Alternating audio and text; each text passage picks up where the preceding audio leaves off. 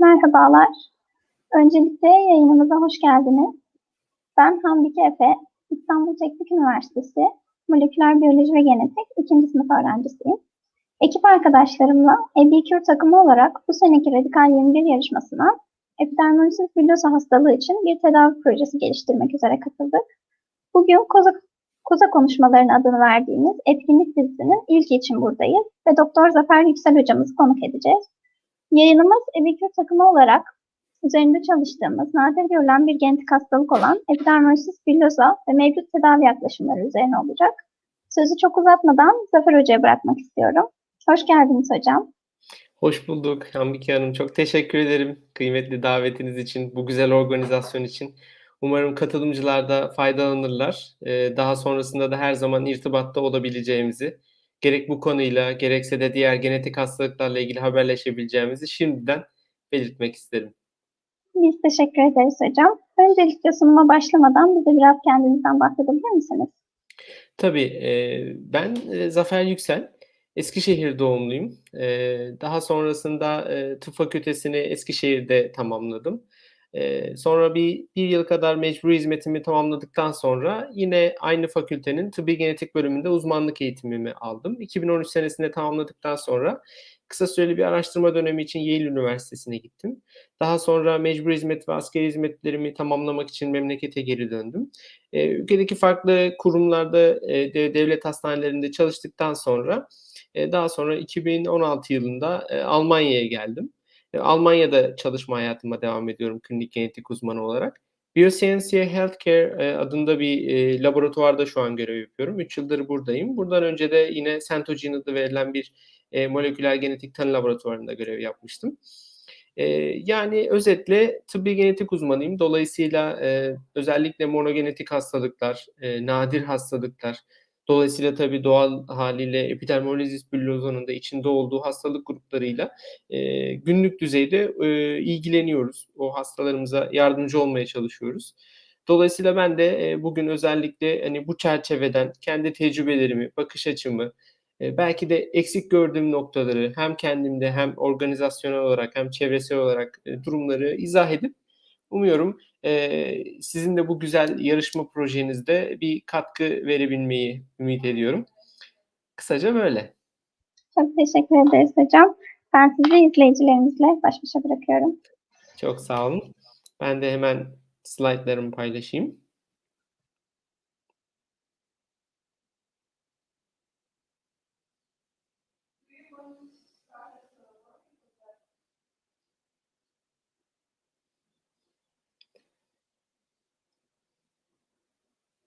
Evet. Ee, öncelikle e, bu konuşma ve organizasyon için gerçekten tekrardan teşekkür etmek isterim. Hem sizler adına da bir kez daha da e, radikal e, yarışmasını düzenleyen e, Cihan hocama ve onun da ekibine de çok teşekkürlerimi ve saygılarımı iletmek istiyorum sizin aracılığınızla. Ben e, görmüş olduğunuz gibi çalışma hayatıma Bioscience'da devam ediyorum. Burada klinik genetik uzmanı olarak görev yapıyorum. Bugünkü konuşmamızın odağında da epidermolizis bullosa'yı önce bir özetlemeye gayret edeceğim size ve tedavi çalışmalarında daha çok e, özellikle üstünde durmaya çalışacağım. E, aynı zamanda da e, eş zamanlı olarak da Türkiye'de e, Manisa'da bulunan Payrent Biyoteknoloji e, grubunun da klinik direktörü olarak görev yapmaktayım. Onu da belirtmek isterim. Sunum akışımız öncelikle epidermolizis bullosa'yı sizlere tanıtarak başlayacağım. Daha sonra e, sıklığı ile ilgili bilgiler e, toparlamaya çalıştım. Onları aktarmaya çalışacağım sizlere. Sınıflaması ile ilgili bilgiler vereceğim. Patofizyolojisiyle önemli bilgiler vereceğim ki aslında hani gerek e, özellikle EB Cure ekibinin tahmin ediyorum en herhalde odak noktasında olacak kısım da budur diye düşünüyorum. Çünkü artık gerçekten translasyonel çözümler, daha çok moleküler pato mekanizmaya yönelik e, odaklanmalar sonucunda umuyorum ki epidermolizis bullosa ile ilgili yüz güldürücü tedavi imkanları ortaya çıkacak. Daha sonra tanıyı nasıl koyuyoruz? Benim de özellikle içinde çok bulunduğum olan bu döngüyü anlatmaya çalışacağım. Gerek klinik tarafta gerekse de genetik olarak, genetik tanı testleri manasında. Daha sonra hastalığımızın riskleri neler ve bu risklerle neler, ne şekilde takip edilmeleri gerekiyor, nelere dikkat etmek gerekiyor bunları vurgulamaya çalışacağım. Tabii bu risklerin başında yine bir ayrı bir grup olarak deri dışı bulgular neler olabiliyor? Onlar da özellikle yaşam kalitesini çok düşürebiliyorlar ve bu bağlamda yaşam kalitesinden de, eee, bir, eee, bilgilendirme yapmaya gayret edeceğim ve tedaviye en son odaklanacağız. Durum nedir? Ne gibi gelişmeler var? Mevcut, ııı, aşamalar neler? Ve en sonunda klinik çalışmalardan sizler için özetle derlediğim, benim de ilgimi çeken ve, eee, hakikaten biraz da ümit vaat eden, ımm, duyurulmuş olan çalışmaları ve bazı duyurulmamış ama yakın zamanda duyurulacak olan çalışmalardan da bahsetmek istiyorum. Şimdi gelin epidermolizis bullosa'nın kısaca bir tanımını yapalım.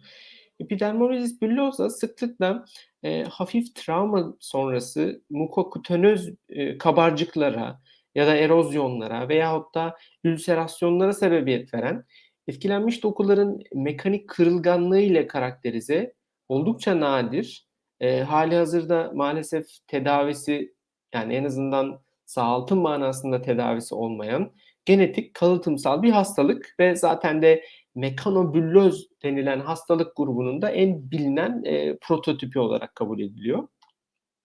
Sıklığına bakacak olursak, eee, bu tabii sıklık bilgilerini toplamış olan kaynaklar genelde ülkelerin ulusal hastalık, eee, girdi sistemleri ya da registry'leri. Dolayısıyla buradaki rakamlar ne derece, eee, doğrulukta olabilir? Hakikaten gerçek prevalansı ya da insidansı ne doğrulukta yansıtabilir? Bu gerçekten bir soru işareti. Aklımızda o kalması gerekiyor ama tabii ki de bir fikir verebilmesi açısından da çok önemli. Eee, ben ülkemiz adına da, ııı, bu tarz gelişmelerin özellikle, eee, hastalık kayıt, eee, birimlerinin, yaygınlaşmasını çünkü belli eforlar var ama daha sistemli, daha organize olmasını ve işte burada karşınıza getirdiğim gibi en azından bir veri, getirebilmeyi canı gönülden isterim. Bu konuda aslında çok gayretli ekiplerimiz de var. Eee, umuyorum yakın bir gelecekte bunlar daha, eee, organize bir hâle gelebilir. Burada sıklığa baktığımızda karşımıza aslında 1.000.000'da 10 gibi kabaca bir rakam aslında ortaya çıkıyor. Hani 100.000'de 1 gibi de düşünebiliriz bunu. Burada ilginç bir şekilde neredeyse çalışmalar ya da ülkelerden gelen kaynaklar birbirlerine yakınken İskoçya'da biraz daha böyle bir fazla gibi gözükmüş. Yani 1.000.000'da 49 gibi bir rakam belirtilmiş. Bunun tabii farklı nedenleri olabilir. Bu nedenleri hakikaten irdelemek lazım.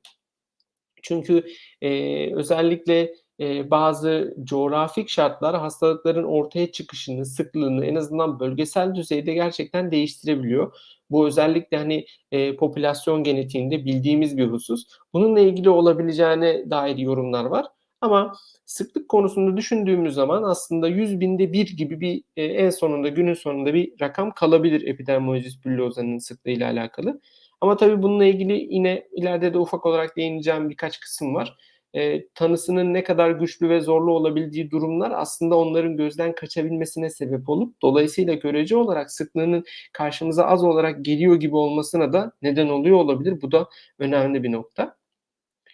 Bunun haricinde sınıflamasına bakalım. Epidermolizis bullosa'yı, eee, aslında, eee, mevcut, ııı, moleküler, eee, patolojisine göre kabaca 4 sınıfa ayırıyoruz ve bu 4 sınıfta da, eee, EB simplex, eee, bileşkesel EB, eee, distrofik EB ya da Kindler EB'si dediğimiz 4 ana grup ortaya çıkıyor. Ama tabii ki de, eee, aslında benzer şekilde yani mekanobüllöz dediğimiz deri hastalıklarına dâhil olan yine aynı şekilde bu grubun ayrıcı tanısında yer alması gereken diğer farklı hastalıklar da var. Onlardan da kısaca değineceğiz ama esas ana odağımız yani klasik olarak epidermolizis bullosa dendiğinde aklımıza gelen bu 4 ana çeşit. Burada da gördüğünüz gibi onların, eee, farklı, eee, kalıtım kalıplarını görebiliyorsunuz. Burada gördüğünüz gibi dominant kalıtanlar da var, resesif kalıtılanlar da var ve burada, eee, ilgili proteinleri ve o proteinleri kodlayan genleri görüyorsunuz. Bunlara tekrardan yine genetik tanı hususunda geri döneceğiz. Sınıflamamız kabaca bu şekilde. Ve gelelim patofizyolojiye. Patofizyoloji gerçekten burada herhâlde, eee, en önemli, eee, hususlardan bir tanesi.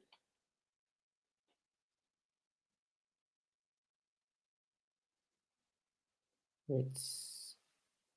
En önemli hususlardan bir tanesi. Burada, eee, odağımızı özellikle buradaki renk kodlarına, eee, çekmek istiyorum sizleri. Gördüğünüz gibi EB simplex'i böyle hafif e, bir yavru ağzı pembe rengiyle göstermişler buradaki grafikte. E, bu grafikte gösterildiği üzere görmüş olduğunuz gibi yukarıda bir hücre var ve bu hücrenin aşağı tarafta özellikle dermis katmanıyla e, birleştiği bir yeri görüyoruz. Çünkü temel olarak aslında mekanizmaya baktığımız zaman e, deri tabii ki vücudumuzun en geniş organı ve bu geniş organı da en dışta yüzeyle e, temas eden epidermis, onun altında da dermis tabakaları oluşturuyor ve bunların da kendi içerisinde tabakalanmaları, farklı görev içeren özel hücreleri, kök hücreleri gibi böyle yapıları oluşuyor özellikle dermis tarafında ve bu iki e, katmanı ayıran e, özellikle elektron mikroskopisindeki görünümüyle e, adlandırmaları verilen lamina lucida ve lamina densa adı verilen iki katman var. Ve bu katmanı öncelikle dermisle epidermis arasındaki bağlantıyı sağlayabilecek hücre içi iskelet molekülleriyle donanmış olduğunu görüyoruz. Ve dikkatimizi ilk çeken de zaten şurada solda da belirtilmiş olduğu gibi EB simplex dediğimiz ve aslında e, epidermolizis bullosaların en sık tipi olarak adlandırabileceğimiz tipin burada görmüş olduğunuz bu tarz moleküllerdeki problemler sonucu ortaya çıktığını görüyoruz. Bu problemlerin de farklı farklı yapıları var aslında ve bunların bazıları yeni görece daha yeni anlaşılmış düzeyde ama bazıları çok iyi bir şekilde biliniyor. Mesela özellikle keratin 5 ve keratin 14 e, filamenlerini kodlayan genlerle ilgili durumlar gerçekten iyi biliniyor ve hakikaten e, bu genlerindeki mutasyonlar, bu genlerdeki varyasyonlarda hastalık oluşturucu varyasyonlarda özellikle EB simplex'in yaklaşık %75 kadarını oluşturuyor. Ama onun haricinde gördüğünüz gibi mekanizma olarak bakarsak epidermiste yer alan hücrelerin aslında dermise bağlanmasında gerek bu e, keratin grubu hücreler gerek onların devamlılığını sağlayan mesela eksozom aslında mekanizması ile ilişkili bir görmüş olduğunuz gibi egzofilin 5 protein adı verilen bir e, ve onu kodlayan gen ve ondaki varyasyonlar ya da KLHL24 e, proteinindeki bozukluklar ve onların ilişkili olduğu plektin, distonin ve onların da ilişkili olduğu integrin grubu ve en nihayetinde dermiste aslında çapa etkisi dediğimiz esas filamen ilişkisini ve bağını veren kollajen 7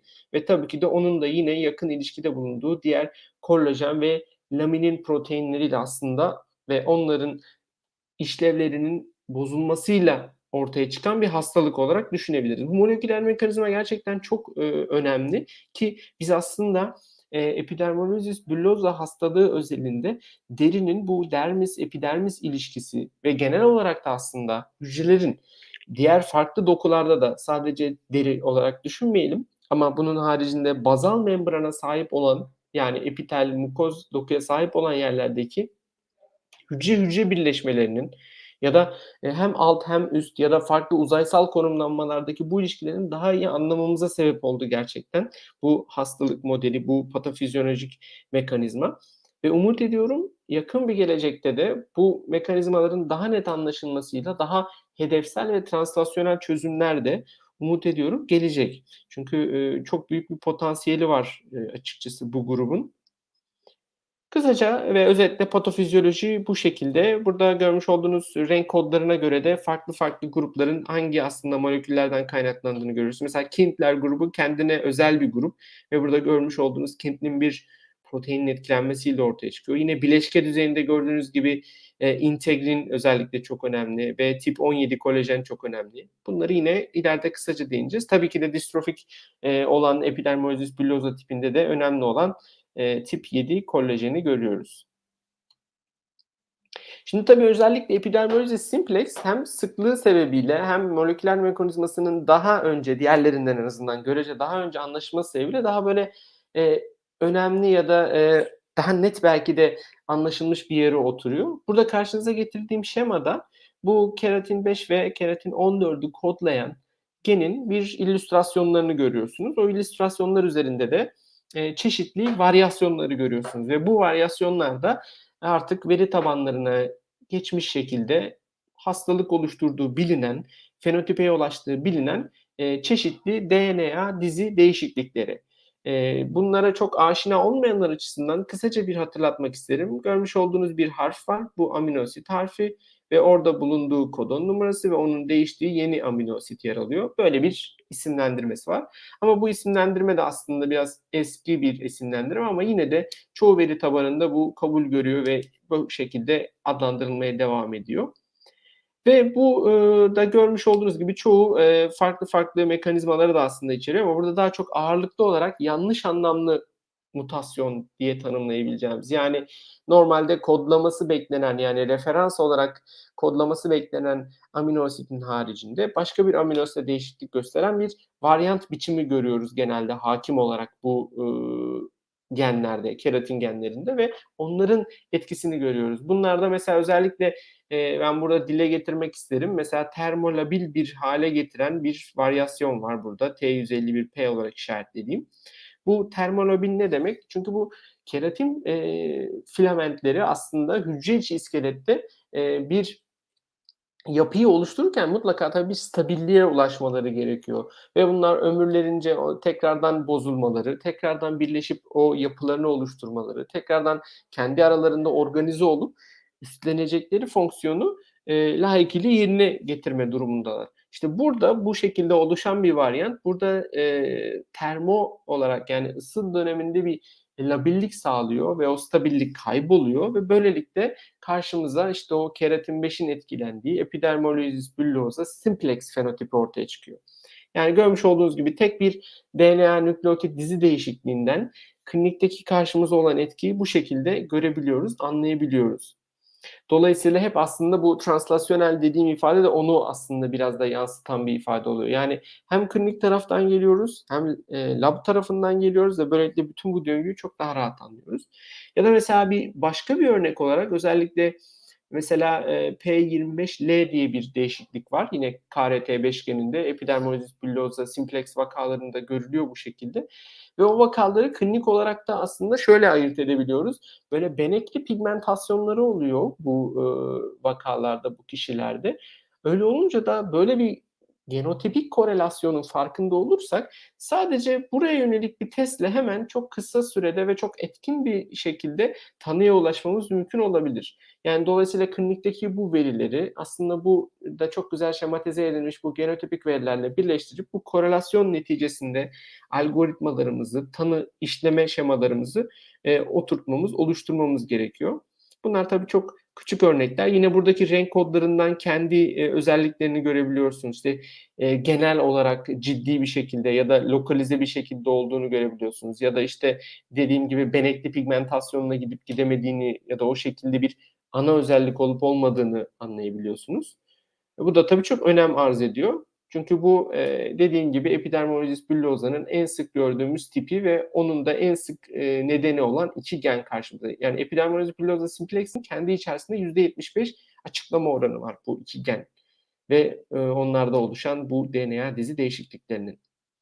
Peki tanıya genel olarak bakacak olursak e, epidermolizis bullosa tabii bazı yönleriyle çok kolay anlaşılabiliyor. Bazı yönleriyle çok zor anlaşılıp tanı konulabiliyor. O yüzden spektrum oldukça geniş. Yani ortada bir şüphe olduğu takdirde gerçekten yapılması icap eden aslında üç temel yöntem var. Bunlardan aslında en etkilisi olanından başlayayım. Tabii ki de transmisyon elektron mikroskobisi. Çünkü bu e, detaylı moleküler yapıyı en rahat şekilde görebileceğimiz, bir imkan sağlıyor bizlere. Ama tabii pratikte bunun uygulaması, bu yönteme erişim ya da uygun e, örnekleme ve saklama durumlarının zorluğundan dolayı çoğu zaman tercih edilemeyebiliyor. Ama gerçekten en bilgi verici e, yöntemlerden bir tanesi tanı konusunda.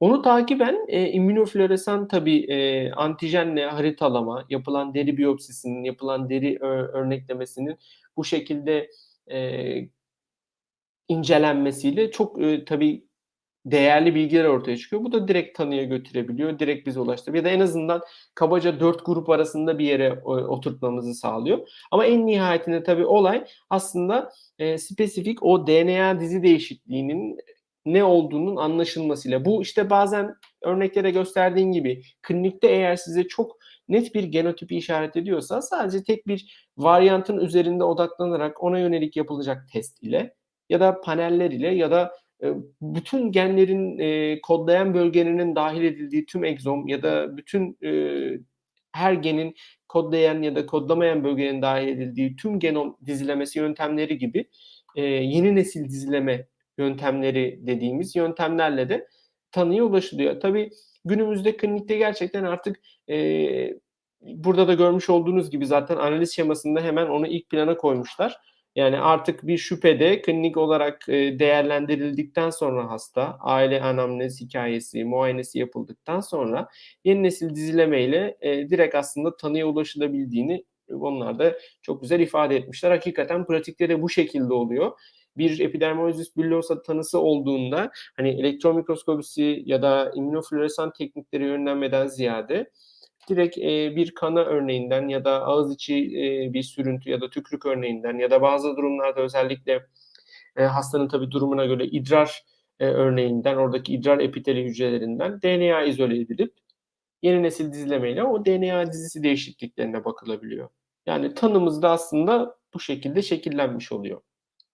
Peki klinik tanıda nelere dikkat edebiliyoruz? Ondan da çok kısaca bahsedeyim. Yani belli başlı bazı bulgularla e, daha böyle hani en azından 4 alt tipten bir noktaya odaklanabiliyoruz ve ona göre de tabii odaklanacağımız, etkilenmesi beklenen proteinler azalıyor ve dolayısıyla ilgili yapılması gereken gen testi daha sınırlı, daha kolay ve daha kısa sürede bize dönüş sağlayabilecek hale geliyor. Bu da tabii önemli. Mesela fotosensitivite olduğu zaman daha çok mesela kintler diye doğru yöneliyoruz.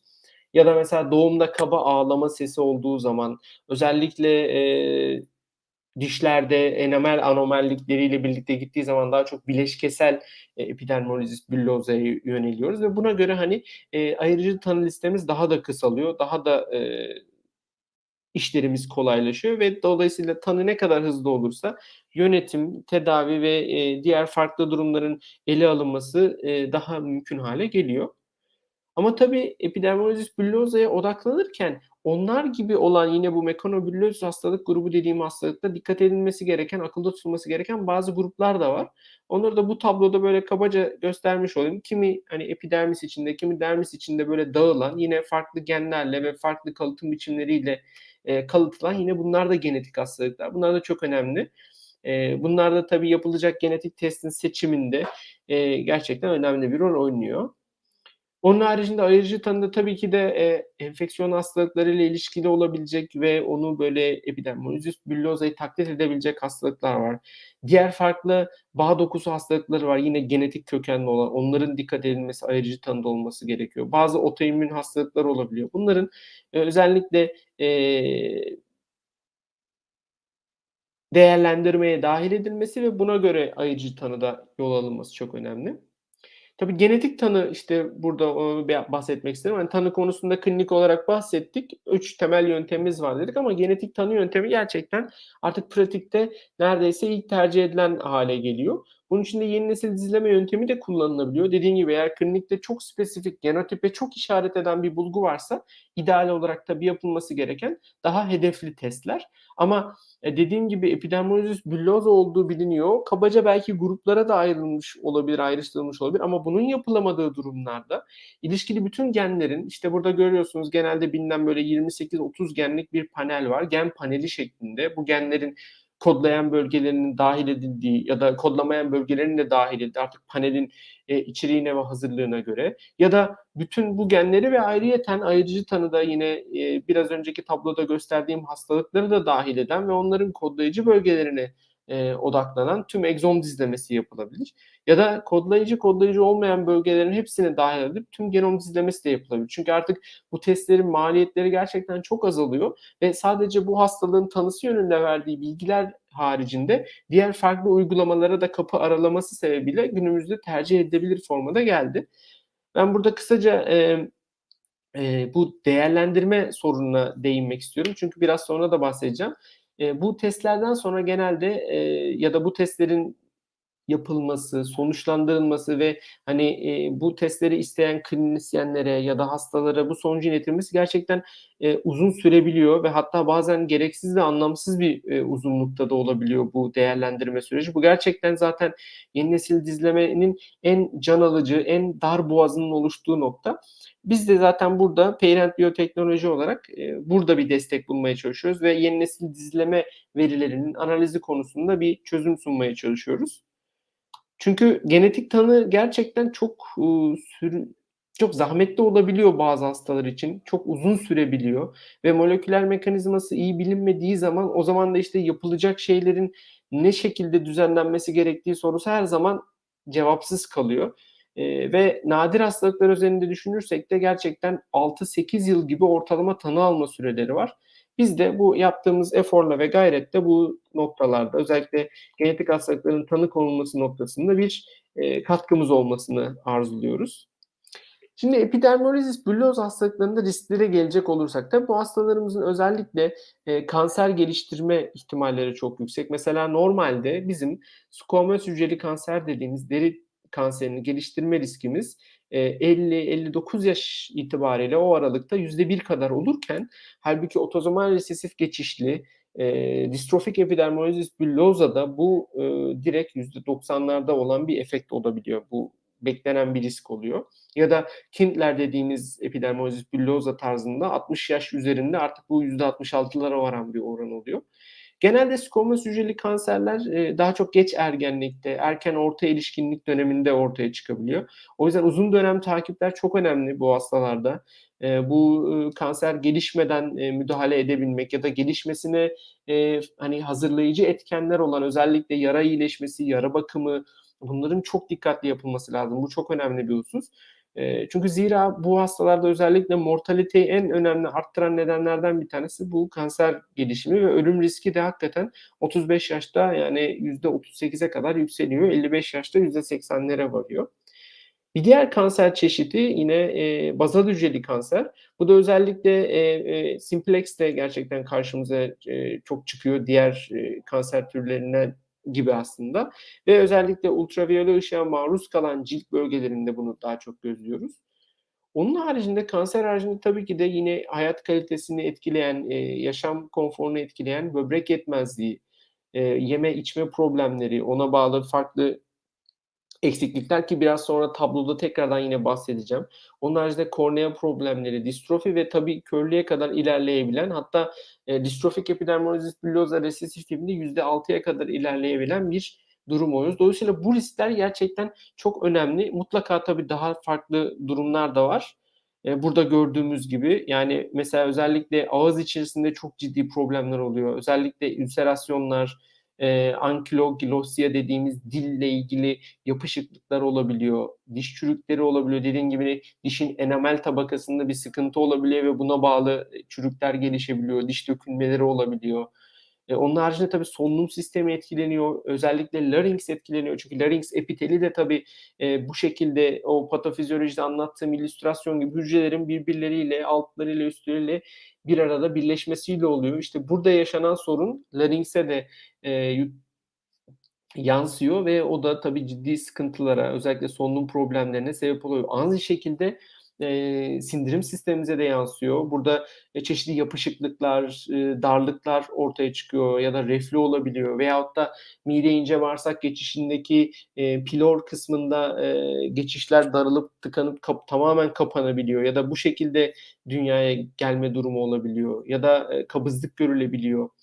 Dolayısıyla tabii bunun getirdiği ikinci sorunlar olarak bağırsak sisteminde e, çeşitli vitamin ve minerallerin gerekli emilimi sağlanamıyor ve buna bağlı ikincil problem ortaya çıkıyor. İşte hipoalbuminemi dediğimiz mesela sıkıntı. E, ona bağlı tabii farklı ikincil yine üçüncül etkiler. E, büyüme gelişme gerilikleri tabii e, ergenlikteki problemler. Onun haricinde bazı özel tiplerin özellikle plektin geni aklıma geliyor. Bazı kas güçsüzlüğü ve distrofi bulgularıyla eşlik edebiliyor. Tabii bazı anemi e, durumlarına da yol açabiliyor. Hani özellikle demir emiliminin e, sindirim sistemi mukozosunun etkilenmesi sebebiyle çok etkin olmamasıyla bağlı. E tabii açık yaralar, açık yaraların iyileşmesi, kronik inflamasyon, buradaki özellikle sıvı dengesinin kaybolabildiği durumlar, e, gözle ilgili etkilenmişlikler. Ama tabii tabii bunların hepsinin belki de ötesinde ve e, ufkunda özellikle etkilenmiş kişileri, ailelerini de düşündüğümüzde özellikle tabii e, psikososyal etki bu gerçekten çok fazla oluyor. Özellikle klinik seyri daha böyle hani e, kötü diye tabir ettiğimiz, öyle değerlendirdiğimiz e, hasta gruplarında etkilenmiş kişilerde e, gerçekten bu konuda çok ciddi desteğe, yardıma ihtiyaçları oluyor. O da hiç unutulmaması gereken bir nokta. Ve konu buraya gelmişken yaşam kalitesinin değerlendirilmesi hususlarından da bahsetmek isterim kısaca. Ee, burada tabii epidermolojis bullosa'da özellikle bu çok kolay bir şekilde e, hani sıyrılan, kabarcıklar oluşan, deri bütünlüğü kaybolan bir durumda tabii sürekli enfeksiyon riski oluşuyor. Ee, enfeksiyon riski dediğim gibi uzun dönemde biraz önce bahsettiğim gibi kanser riski oluşuyor. Bu iyileşmeyen yaralarla ilgili dediğim gibi sürekli e, kabuklaşma ve kronik bir inflamasyon e, yara hali oluyor ve bu yara halinin tabii e, gerçekleştiği vücut bölgesine bağlı olarak da tabii görünüm, dış görünüş, bunun toplumdaki kabulü, bunun e, bir şekilde adapte olması gibi durumlarla çok çok aslında farklı e, durumlarla ve sorunlarla karşılaşmak durumunda kalıyor aileler, etkilenmiş kişiler. Özellikle çocukluk çağında bu çok böyle e, psikolojik travma durumlarına yol açabiliyor. O yüzden bu durum gerçekten çok önemli. Dolayısıyla hani bu tarz riskleri, bu tarz yaşam kalitesini bütünüyle ele alıp bunları değerlendirmeye çalışan bazı burada da sıralamaya çalıştığım yöntemler var. Bu yöntemlerde de bazı işte skorlandırmalar yapılıyor. Bazı araçlar kullanarak belli puanlamalar yapılıyor ve ona göre bir yaşam kalitesi hani durumu değerlendiriliyor ve ona göre belki eksik olunan, zayıf kalınan, desteğe ihtiyaç duyulan taraflar belki daha net anlaşılabiliyor. Onlar için de böyle yöntemler geliştiriliyor. Bazıları hem erişkin hem çocuklara uygulanabiliyor. Bazıları daha çok çocuklara e, yönelik olabiliyor. Bu şekilde bir değerlendirme de yapabiliyoruz. Tabii aslında en önemli bugün de konuşmamızın aslında ana kısmına gelecek olursak tedavi yöntemi. Maalesef tabii kür sağlayan yani epidermolojis bullosa'yı ortadan kaldıran, tamamen değiştiren, düzelten bir tedavi yok henüz. Ee, henüz demek istiyorum ve bunu da vurgulamak istiyorum. Çünkü özellikle yeni nesil dizleme teknolojilerinden bahsettik. Bunların kliniğe uygulamasıyla birlikte 2010 yılından beri gerçekten e, genetik hastalıkların mekanizmasını çok daha rahat ve daha iyi bir şekilde anlamaya başladık. Bunların tabii maliyetlerin azalmasıyla çok da yaygınlaştı. Ve e, ileride umut ediyoruz bu hastalıkların gerçekten mekanizmasını anladıkça, çözdükçe de e, tabii ki de tedaviye de mutlaka e, bir faydası olacak bu mekanizmaların anlaşılmasının. Ama şu an odaklanan nokta özellikle semptomların hafifletilmesi, komplikasyonların önlenmesi, gibi daha böyle semptomatik bir yaklaşıma e, dur, açıkçası bizi itiyor. Ancak e, biraz sonra özellikle moleküler hedefsel yöntemlerden bahsedeceğiz. Bunlarda tabii hücre yöntemlerini, e, çeşitli bazı e, gen tedavilerini, bazı özel protein yaklaşımlarını, bazı ilaç denemelerini e, tabii özellikle klinik çalışmalar başlığı altında ilerletiliyor dünyada da, ülkemizde de, bu şekilde. Şimdi bunları bir özetleyerek önce başlayalım. Klinik çalışmalarda durum ne? Ben e, bu clinicaltrials.gov sitesine baktığım zaman e, aktif olarak epidermolojis bullosa ile ilgili hali hazırda yaklaşık 36 tane çalışmaya rast geldim. Çalışmaların dağılımı dünya üzerinde bu şekilde gözüküyor. Gördüğünüz gibi bir Amerika, Kanada, Fransa, Norveç ve Avusturya'da çalışmalar daha çok böyle e, odaklanmış gibi ya da en azından bu dönem için aktif olan çalışmalar diyelim. Mutlaka diğer ülkelerde de çalışmalar tabii ki de devam ediyor. Farklı yönde hastalığın farklı e, taraflarına çözüm bulmak amaçlı gerek klinik gerek ilaç çalışmaları e, devam ediyor. Şimdi bunlardan ben e, bu 36 aktif çalışmadan özellikle benim dikkatimi çeken size de hani aslında e, karşınıza getirmek istediğim hani ne gibi gelişmeler oluyor, ne gibi ilerlemeler kaydediliyor diye bir özet yapmaya çalıştım. Şimdi onlardan başlayalım. Bunlardan ilki e, görmüş olduğunuz gibi başlığında özellikle resesif distrofik epidermolysis bullosa'ya odaklanan ve bunlarda gen transfer yöntemiyle bir e, bir çözüme ulaşma çabasında olan bir klinik çalışma. Burada yöntemi kabaca size tarif etmek istiyorum. Hastalardan biyopsi alınıyor ve bu biyopsi daha sonra e, hücre kültüründe e, geliştiriliyor. Burada hücreler büyüyor ve keratinositler buradan alınarak daha sonra bir retrovirüs aracılığıyla sağlam kollajen 7 geni buraya transfer ediliyor. Ve bu transfer sonrasında oradaki hastaya ait aslında kendi hücreleri ama kültürde büyümüş, kültür kabı dediğimiz laboratuvarda steril bir ortamda geliştirilen bir düzeyde bu virüsün marifetiyle o sağlam kollajen 7 geni aktarılmış oluyor. Ve böylelikle de e, hasta e, bu ürünü yani kollajen 7 genin ürünü, kollajen 7 proteinini sağlam bir şekilde üretebiliyor. Ve böylelikle de e, teoride tabii bu deneyin zaten devam etmesinin amacı da o. Ve bunun iyileşmiş olmasını bekliyorlar. Yani zaten çalışmanın beklenen çıktılarından bir tanesi de bu.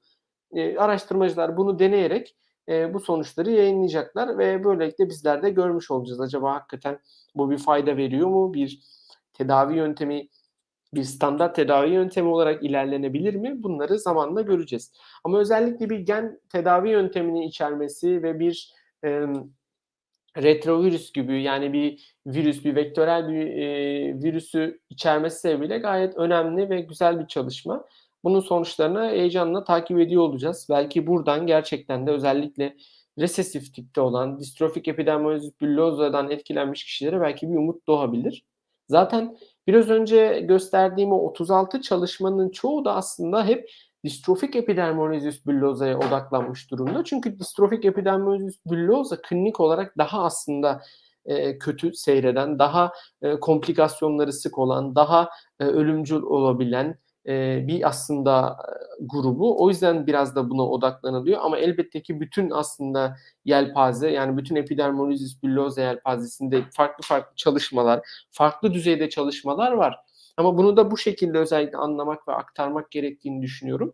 Yani belli bir hastalık grubu, e, belli bir gen. Burada gördüğünüz gibi mesela Col7A1 geniyle ilgili sıkıntıdan, oradaki DNA dizi değişikliklerinden köken almış bir distrofik epidermolysis bullosa var ve bu hastalara yönelik yapılan bir deneme, bir klinik çalışması var.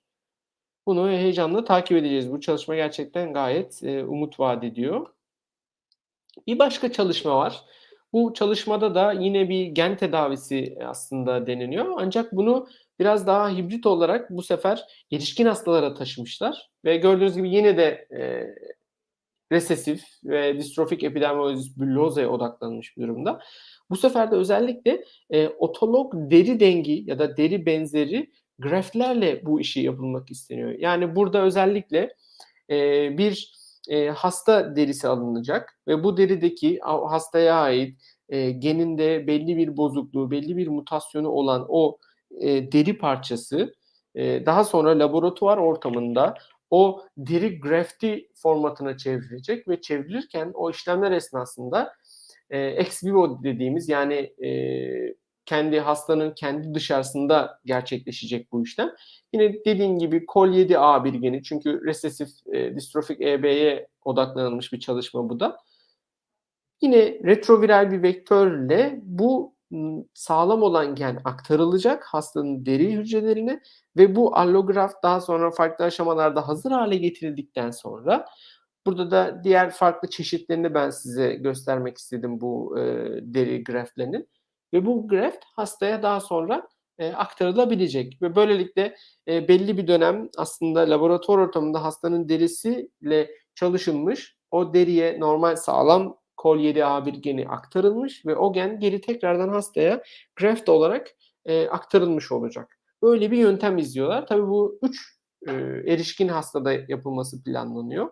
Böyle bir çalışma. E, Fransa e, menşeliydi. Eğer aklımda yanlış kalmamışsa bu çalışma. Bu da gerçekten gayet e, ilginç bir çalışma. Özellikle e, böyle lokalize olduğu bilinen e, ya da çok e, daha e, travmaya açık vücut bölgelerine yönelik denenebilen ve zaten görmüş olduğunuz gibi özellikle erişkinlere odaklayan bir e, çalışma olarak da karşımıza çıkıyor. Ve bu klinik çalışmalardan daha hani e, burada nelerden bahsettik özellikle e, yani gen transferi mekanizmalarından bahsettik. Bunlar tabii daha popüler, daha modern, daha güncel yaklaşımlar. Ama tabii ki de özellikle mevcut olarak üretilmiş e, ilaçların farklı endikasyonlarda kullanılıp kullanılamamasına yönelik yani bizim e, drug repurposing denilen ilaçları yeniden amaçlandırma gibi belki çevirebileceğimiz bir amaçla da aslında çok yoğun bir bakış var. Özellikle e, kimyasal maddeler, etken maddeler, ilaçların etken maddeleri, bunların fizyolojik etkileri, bunların hedefsel e, bazı e, proteinlerle, bazı gen ifadeleriyle eşleştirilmeleri gibi çok ciddi bir biyomedikal artık veri tabanları var e, günümüzde. Dediğim gibi yeni nesil dizileme sadece DNA dizisi üzerinde değil, RNA dizisi üzerinde de bize çok büyük bilgiler veriyor ki bu görmüş olduğunuz e, klinik çalışmada da aslında araştırmacılar e, epidermolysis bullosa ile herhangi bir çeşidinden etkilenmiş epidermolysis bullosa hastalarında RNA dizlemesi dediğimiz tekniği uyguluyorlar. Burada görüyorsunuz o RNA dizlemesini. RNA dizlemesindeki ifade biçiminden daha sonra e, bununla korele gösterilebilecek diğer başka hedefsel moleküllere yönelmeye çalışıyorlar. Burada ekranın sağında da kabaca o serüveni süreci anlatmaya çalıştım. Ve böylelikle e, olası potansiyel ilaç hedeflerini bulup aslında belki de hali hazırda üretilmiş ama bambaşka bir endikasyon için kullanılan örnek veriyorum astma için kullanılan bir ilacın belki de e, benzer bir e, molekül hedefi olması sebebiyle bu tarafa kaydırılması ve dolayısıyla bu endikasyon içinde bir ruhsat alabilmesinin imkanı olabilir mi diye araştırmacılar da bu bakış açısıyla ilerliyorlar. Bu da gerçekten e, çok popüler bir konu. Özellikle e, tabii pandemi, Covid-19 pandemisi sebebiyle SARS-CoV-19 e, virüsünün yapısı, buradaki moleküller, e, onlara yönelik olan, bunları bloklayabilecek çeşitli ajanların bulunması gibi temalarla da çok gerçekten e, muazzam bir e, ivme de kazanmış bir alan ve çok ciddi bir e, bilgi birikimi de e, olan bir alan gerçekten. Özellikle bilgisayar gücünün de e, kat be kat her geçen gün atmasıyla çok e, önemli bir alan. Belki hali hazırda başka bir endikasyon için kullanılan bir ilaçtan belki epidermolysis bullosa hastaları da bir fayda görebilir. Yani bunu şöyle düşünebiliriz. En basitinden Mesela e, bazı çalışmalar da var. Burada size getirmedim karşınıza ama o 36 dediğim aktif çalışmaların bazıları da mesela e, deri lezyonlarında işte e, karşılaşılabilecek e, oradaki deri florasının e, yapısını değiştirebilmek ve böylelikle oradaki enfeksiyonları azaltabilmek yönünde bir bakışla yapılan çalışmalar da var. Yani çalışmalar çok farklı gerçekten. Odaklandığı noktalar farklı. Ama bu çalışmada e, takip edilmeye değer gerçekten çıktılarını izlemeye değer bir çalışma. Belki de hali hazırda mevcut bildiğimiz bir ilacı belki epidermolysis billosa'nın bir e, belki semptomunu, belki bir durumunu iyileştirebilmek amacıyla belki kullanabilme ihtimalimiz olacak. Ve e, bu tarafa geçmişken e, henüz daha e, ilan edilmemiş ancak hani e, işte bu konuyla ilgilenen belli araştırmacıların aslında yayınlamış olduğu şekliyle e, karşınıza iki tane özel ilaç çalışması da getirmek istiyorum. Bunlardan bir tanesi, bu çok ilginç gerçekten, e, apremilas dediğimiz bir e, bir molekül. Bu molekül hazır, hali hazırda var ve hali hazırda aslında başka indikasyonlar için e, kullanılıyor. Bu aslında bir fosfodiesteraz inhibitörü. Ve bu inhibitör de e, siklik AMP'nin hücre içindeki aktivitelerini düzenliyor. Ve bu apremilas bu inhibitör olarak kullanıldığı zaman hücre içindeki siklik AMP'yi arttırıyor ve bu da bizim böyle yangısal düzeyde e, bildiğimiz işte TNF alfa, interleukin 17, interleukin 23 ve diğer farklı sitokinleri e, ifadelerini azaltıyor ve böylelikle o özellikle e, epidermolysis bullosa üzerinde o mekanik etkiyle birlikte deri bütünlüğünün bozulması ve onun kronik inflamasyon haline dönüşmesi süreçlerinde bir baskılamayla iyileşme süreçlerine katkı verebileceğine e, dair bir iki çalışma var. Ama büyük bir e, klinik çalışmaya henüz e, ekip başlamamış düzeyde ama bununla ilgili çalışmaları devam ediyor. Bu çalışmada zannediyorum Fransa'dan herhalde gelecek. Dolayısıyla e, bu molekülü, bu ilacı da böyle dikkatinize sunmak isterim. Çünkü çok ufak bir grupta e, bu yangısal molekülleri baskılayarak dediğin gibi bu e, deri bütünlüğünün bozulduğu süreçlerdeki o kronik inflamasyonu iyileştirdiğine dair bazı yayınlar var ki e, altta görmüş olduğunuz e, bu yayında da bunu bulabilirsiniz. E, bir başka çalışmada bu da yine oldukça ilginç. E, yine dediğim gibi hali hazırda aslında bir molekül var. O moleküle yönelik e, hedefli bir tedavi var ve bu tedavinin indikasyonunun değiştirilmesi. Aynı aslında e, biraz önce bahsettiğim o aktif devam eden çalışma gibi. Burada e, o molekül timik stromal lenfopoietin adı verilen bir molekül ve bu molekül gerçekten atopik dermatitte e, kaşıntıya yol açtığına dair e, bilgilerimiz var ve bunun belki de en büyük nedenlerinden bir tanesi diyebiliyoruz. E, epidermolysis bullosa'da da tabii kaşıntı oldukça e, sıkıntı veren, oldukça huzur bozan ve dediğim gibi bu mekanik etkiyi arttırması sebebiyle işte deri bütünlüğünü bozan, yeni lezyonlu oluşumunu açan özellikle çocukluk çağındaki hastaların e, çok zor baş ettiği bir e, semptom gerçekten. O yüzden bu başlıkta belki e, en nihayetine çıkabilecek bir tedavi imkanı o e, kesime çok büyük fayda sağlayacağını düşünüyorum. Çünkü biz e, bazı hayvan deneylerinde de biliyoruz ki bu TSLP adını verdiğimiz maddenin seviyeleri gerçekten yükseliyor. Özellikle Epidermolysis bullosa simplex e, modelini yansıtan fare modellerinde e, bunun e, yani bu kaşıntıyla çok korelasyonun yüksek düzeyde olduğu gösterilmiş. İşte bu TSLP molekülüne yönelik de bir antikor var e, bir molekül var hali hazırda ve bu astma hastalarına yönelik e, klinik çalışmaları devam ediyor faz 3 aşamasında. Adı da tezepelumab. Belki bu antikor e, ileride belki epidermolysis bullosa hastaları için de bir endikasyon ruhsatı alıp belki o hastaların da kaşıntıların noktasında özellikle çocukluk çağında bu çok ciddi sıkıntı olabiliyor. Bunun önüne geçebilmesinde bir umut olabilir. Bu da ihtimallerden bir tanesi olarak karşınıza getirmek istedim. Ve evet, eee, bu özellikleri böyle toparlamaya çalışıp size aktardıktan sonra yani kendi düşüncelerimi ve kendi perspektifimden size en son yani bu konuşma sonunda ne düşünmeliyiz, ne yapmalıyız, eve ne götürmeliyiz diye bakınca aslında en önemli şeyin gerçekten eee, dayanışma olduğunu görüyorum.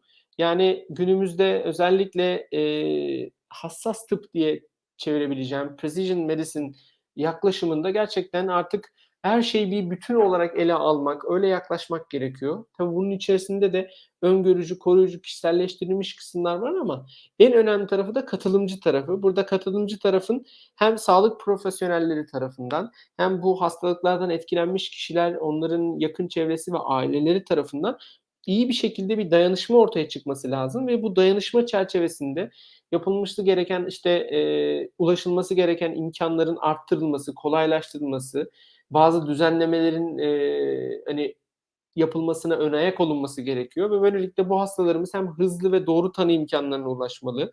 E, bunlara yönelik e, bu tanı imkanları oluştuktan sonra bu sınıflandırmalarla ne gibi e, klinik araştırmalara e, ilerlenebilir, devam edilebilir? Bunlarla ilgili nasıl destekler ve fonlar bulunabilir? Bunlar e, tabii yapılabilir.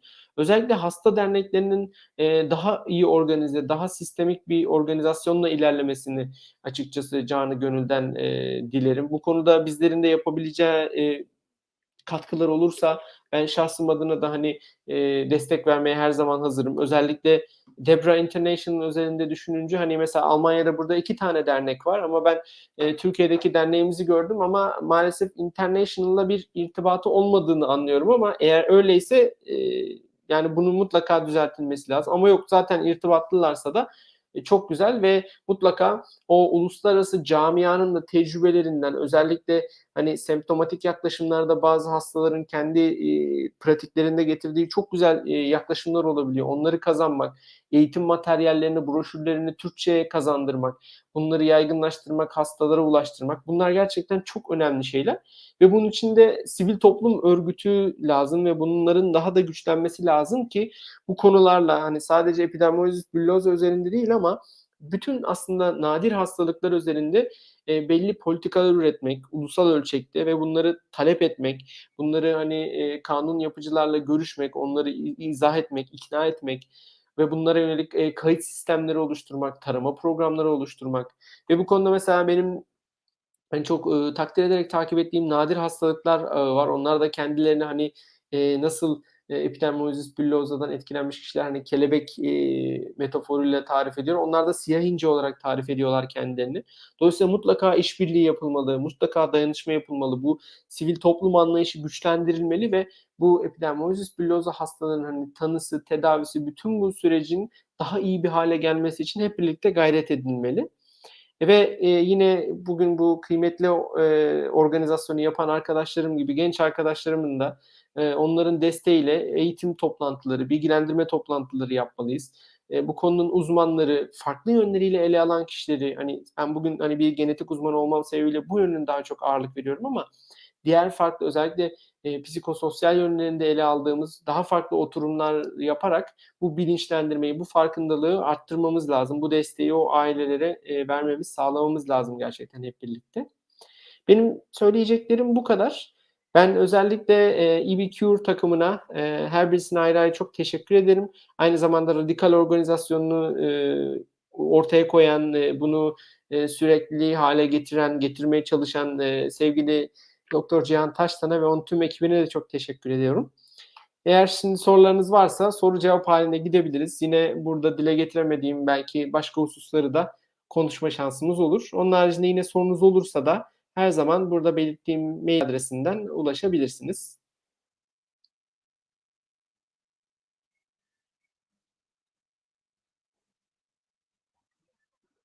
Çok teşekkür ediyoruz hocam sunumunuz için ve katılımınız için tekrardan.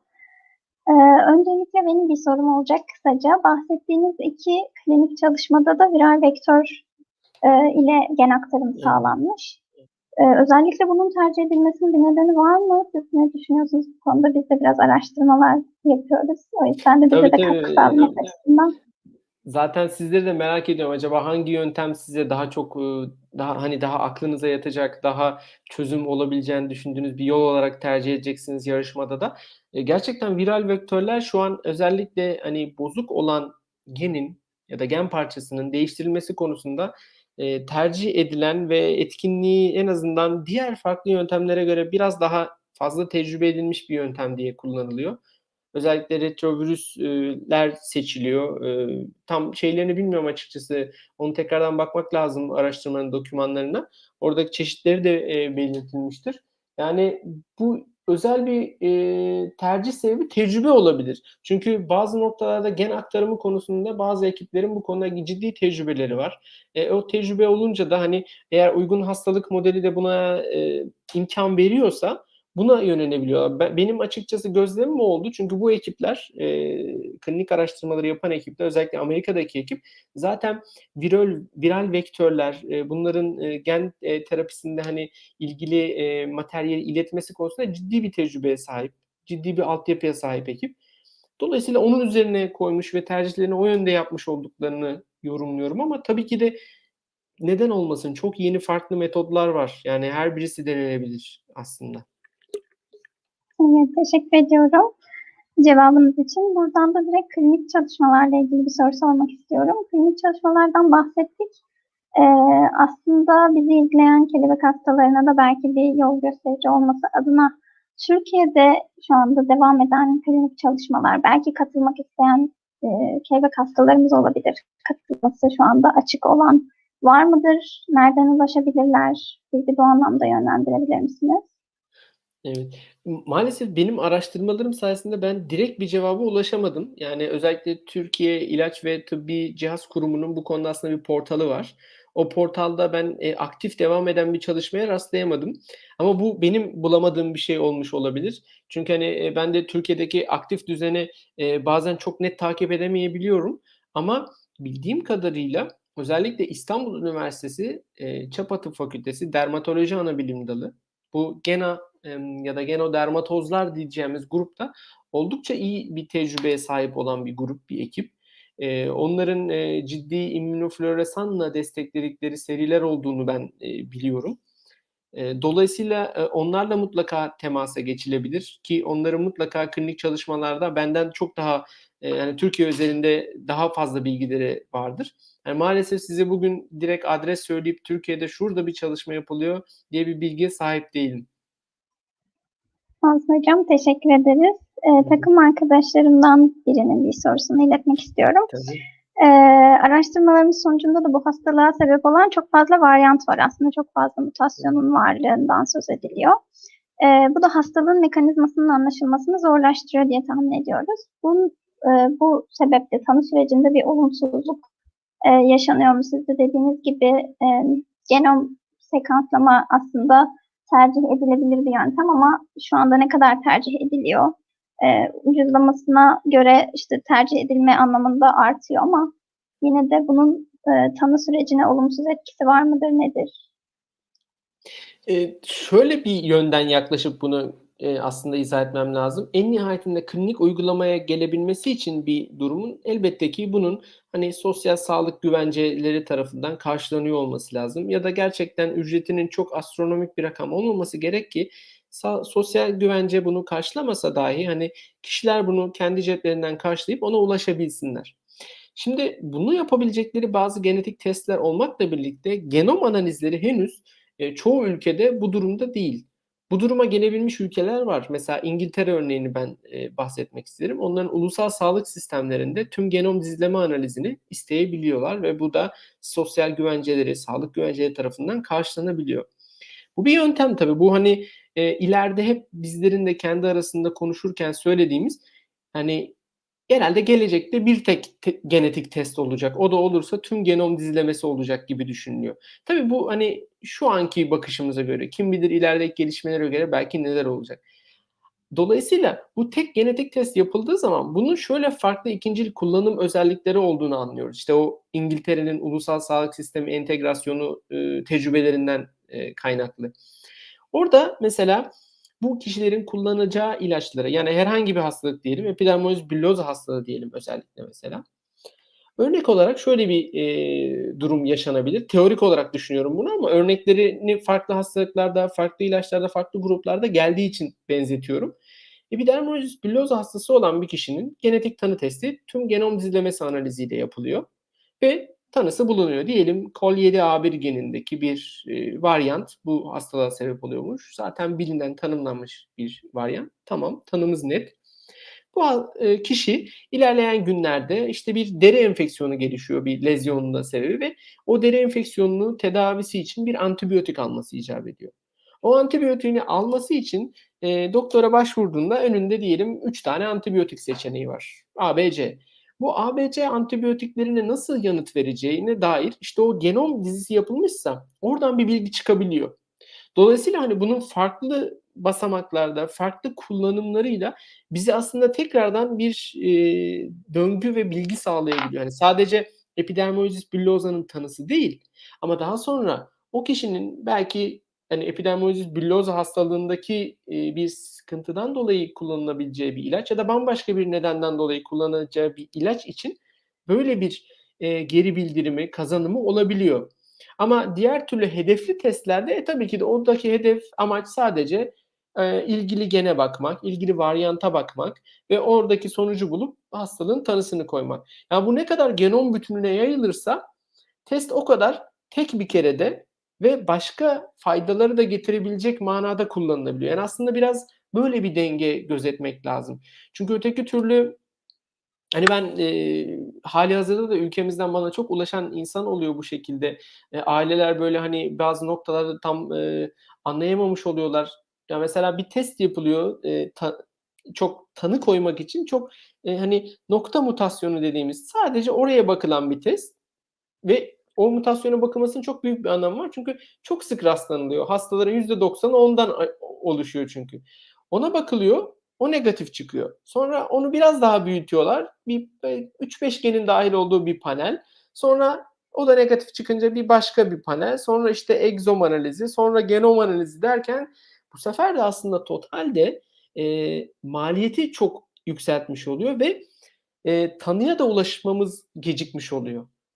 Hâlbuki bu tarz genom bütünü analizlerde, hani, e, olabildiğince tekniğin el verdiği limitasyonları da hani göz önünde bulundurmak lazım ama genom bütünü bir yaklaşımla bakıldığı zaman hani tanıya ulaşma süremiz kısalıyor ve biraz önce bahsetmeye çalıştığım bu ikincil kazanımlar da ortaya çıkmış oluyor. Yani bunları bu e, aslında ölçekte değerlendirip nereden kazanç olabilir, nasıl bir fayda getirilebilir, hani hasta nereden daha fazla e, fayda sağlar ona gözetmek lazım. Yoksa bazen gerçekten e, genom analizi çok gereksiz de olabilir. Ama sanki ileride hani e, ben bir eğilimi gördüğümden dolayı bunu çok rahatlıkla söyleyeyim. Hepimizin e, bir şekilde e, genomu dizilenecek e, ve bu bir şekilde dediğin gibi işte o ilaç kullanımı indikasyonu olabilir, hastalık için olabilir, bazı riskleri hesaplamak için olabilir. E, bunlar artık hakikaten e, günlük yaşamımızın bir parçası olacak gibi. Sadece filmlerde kalmayacak gibi gözüküyor. Yani umuyorum hocam hastalıklar e, içinde yani çalışmalar içinde hastalığa sahip bireylerin yaşam kalitesi veya tanı süresinin kısaltılması için de güzel olabileceğini umuyorum ben de. E, bir takipçimiz olan, kendisi de kelebek hastalığına sahip olan Büşra Hanım'ın bir sorusu var. Evet. E, genetik bir hastalık olduğu için kesin tedavinin biraz zor olduğunu biliyoruz. Ancak en azından yara oluşumunu hafifletmeye yönelik bir çalışma geliştirilemez mi diye sormuş kendisi. Yani kesinlikle haklı. Çok doğal bir beklenti. Teşekkür ediyorum Büşra Hanım'a bu sorusu için. Aslında bu tarz e, çalışmalar var ancak henüz ürün onay haline dönüşüp de hani hastalara ulaşabilecek düzeye gelmiş düzeyde değil. Özellikle e, şöyle ifade etmeye çalışayım. İlaçların onayını, ruhsatını veren çok böyle büyük e, bilinen enstitüler var. Kuzey Amerika özelinde düşünürsek özellikle FDA hani Amerika menşeili. Ama onun haricinde Avrupa'da Avrupa İlaç Ajansı, e, yine aynı şekilde Çin'de kendi enstitüsü. Burada çok ciddi çalışmalar devam ediyor aslında. Hani sadece epidemiolojik billozu üzerinde de e, düşünmeyeyim ama genel olarak bir fikir vermesi açısından şunu söylemek istiyorum. Yani bir çalışma var, kesinlikle devam eden işler var. Zaten son 15 yılda aslında bugüne kadar geliştirilmiş olan ilaçların çok daha fazlası geliştirilmiş düzeyde. Ama bunların son ürüne gelme aşamaları e, aynı senkronizasyonda ilerlemiyor. O yüzden belki de işte ülkemizde hani biraz önce söylemek istediğim şey buydu. Yani sivil toplum kuruluşları olarak bizler sağlık profesyonelleri olarak bir araya gelmeliyiz. Politikacı, e, politika yapıcıları, bu bunların kanununu, düzenini, nizamını uygulayan kişilere, yetkililere bunu çok güzel izah etmeliyiz. Hatta defaatle. E, birkaç kere, birkaç kere böyle bıkmadan, sıkılmadan, usanmadan ki bu araştırmalar fonlanabilsin öncelikle fonlandıktan sonra bu ekipler bir araya gelebilsin. Bu ekipler bir araya gelip dediğiniz gibi yani bu yara oluşumunu hafifletmeye yönelik bir çalışma kesinlikle gerçekleştirebilir. Çünkü haritada da gördüğünüz dünya haritasında daha çok bu işe para ayırabilecek, gayri safi milli hasılası daha yüksek olan, gelir grubunda olan ülkeler zaten bu işin hani e, ilerletiyorlar. Bunun e, bu bu koşunun önünde yer alıyorlar. Dolayısıyla bizim ülkemizde de aynı şekilde ya da diğer ülkelerde de bu şekilde yapılabilir. Çünkü bazı böyle e, farklı materyaller var. Biograft adı verilen. Bunlar özellikle hani e, belli başlı uygulamalarda, özellikle ciddi yaralanmalarda kullanılabiliyor. E, özellikle epidermolojis bullosa hastaları için bunlar bir e, belki seçenek olabilir. Ama dediğim gibi bunlar hep deneysel farklı yan etkileri ya da farklı riskleri çok iyi çalışılmamış, büyük yaygın gruplarda görünmemiş şeyler. Veyahut da yara oluşumunu mesela önleyici tedbirlere daha çok belki odaklanılabilir. Özellikle tekstil sektöründe epidermolojis bullosa hastaları ile ilgili yapılabilecek çok güzel geliştirmeler var.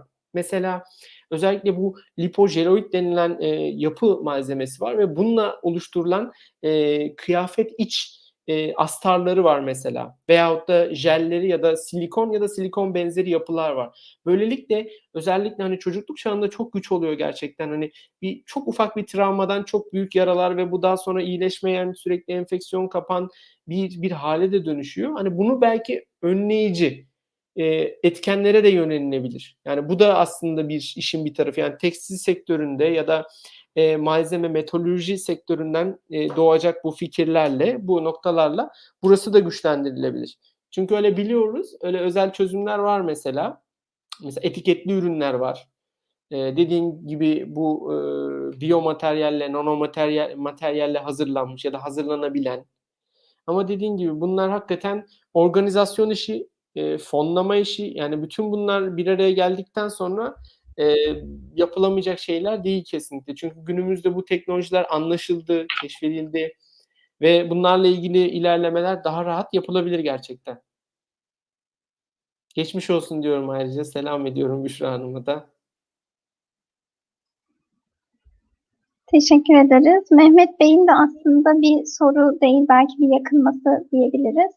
Tabii. hocam kullandığımız bütün kremler normal insanların geçirdiği kısa süreli yaralar için geliştirilmiş. Yani biz epidermolysis bullosa hastalarına özel olarak geliştirilmiş bir krem bulamadım demiş kendisi. Yine zannediyorum ki aynı konuya bağlantılı olacak ürün gelişimi zaten bahsetmiştiniz. Ya, evet, Mehmet Bey haklı. Eee, bu şekilde özel bir krem, işte, hastalığın mekanizmasını bir bir kez daha hatırlamak lazım.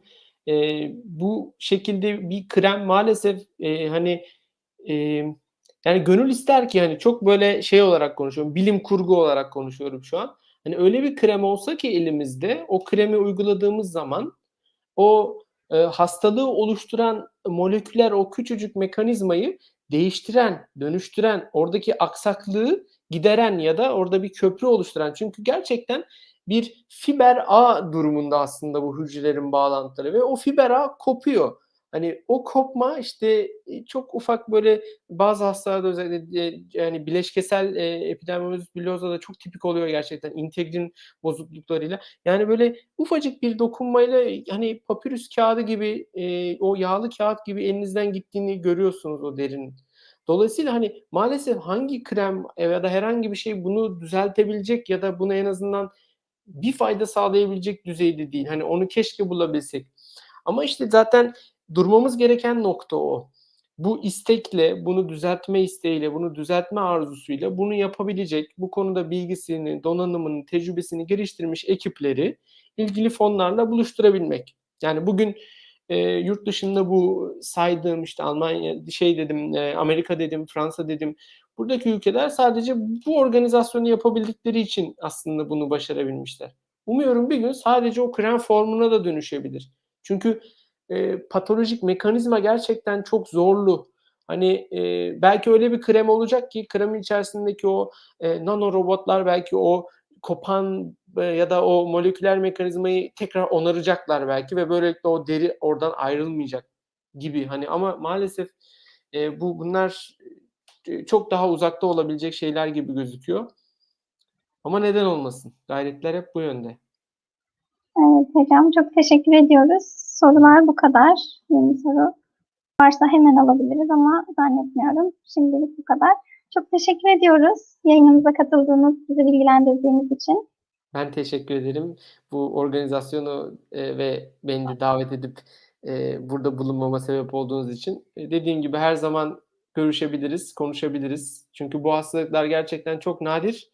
Ancak, eee, birisinin etkilendiği ve başına geldiği zaman da, hani, bir yardım ihtiyacında oluyor, bir arayışında oluyor. Bunu hep birlikte, eee, yapabiliriz. Biz de öğreniyoruz bazı zaman şeyleri ki etkilenmiş bireyler, aileler bu durumu en iyi bilen kişiler aslında. Onların tecrübelerinden, onların, eee, yaşadıklarından, o zorluklarından mutlaka öğrenip onları düzeltme yönünde bir gayretimiz olması gerekiyor. Evet hocam, teşekkür ederiz tekrar. Hı hı. Hoşça kalın. Görüşmek üzere.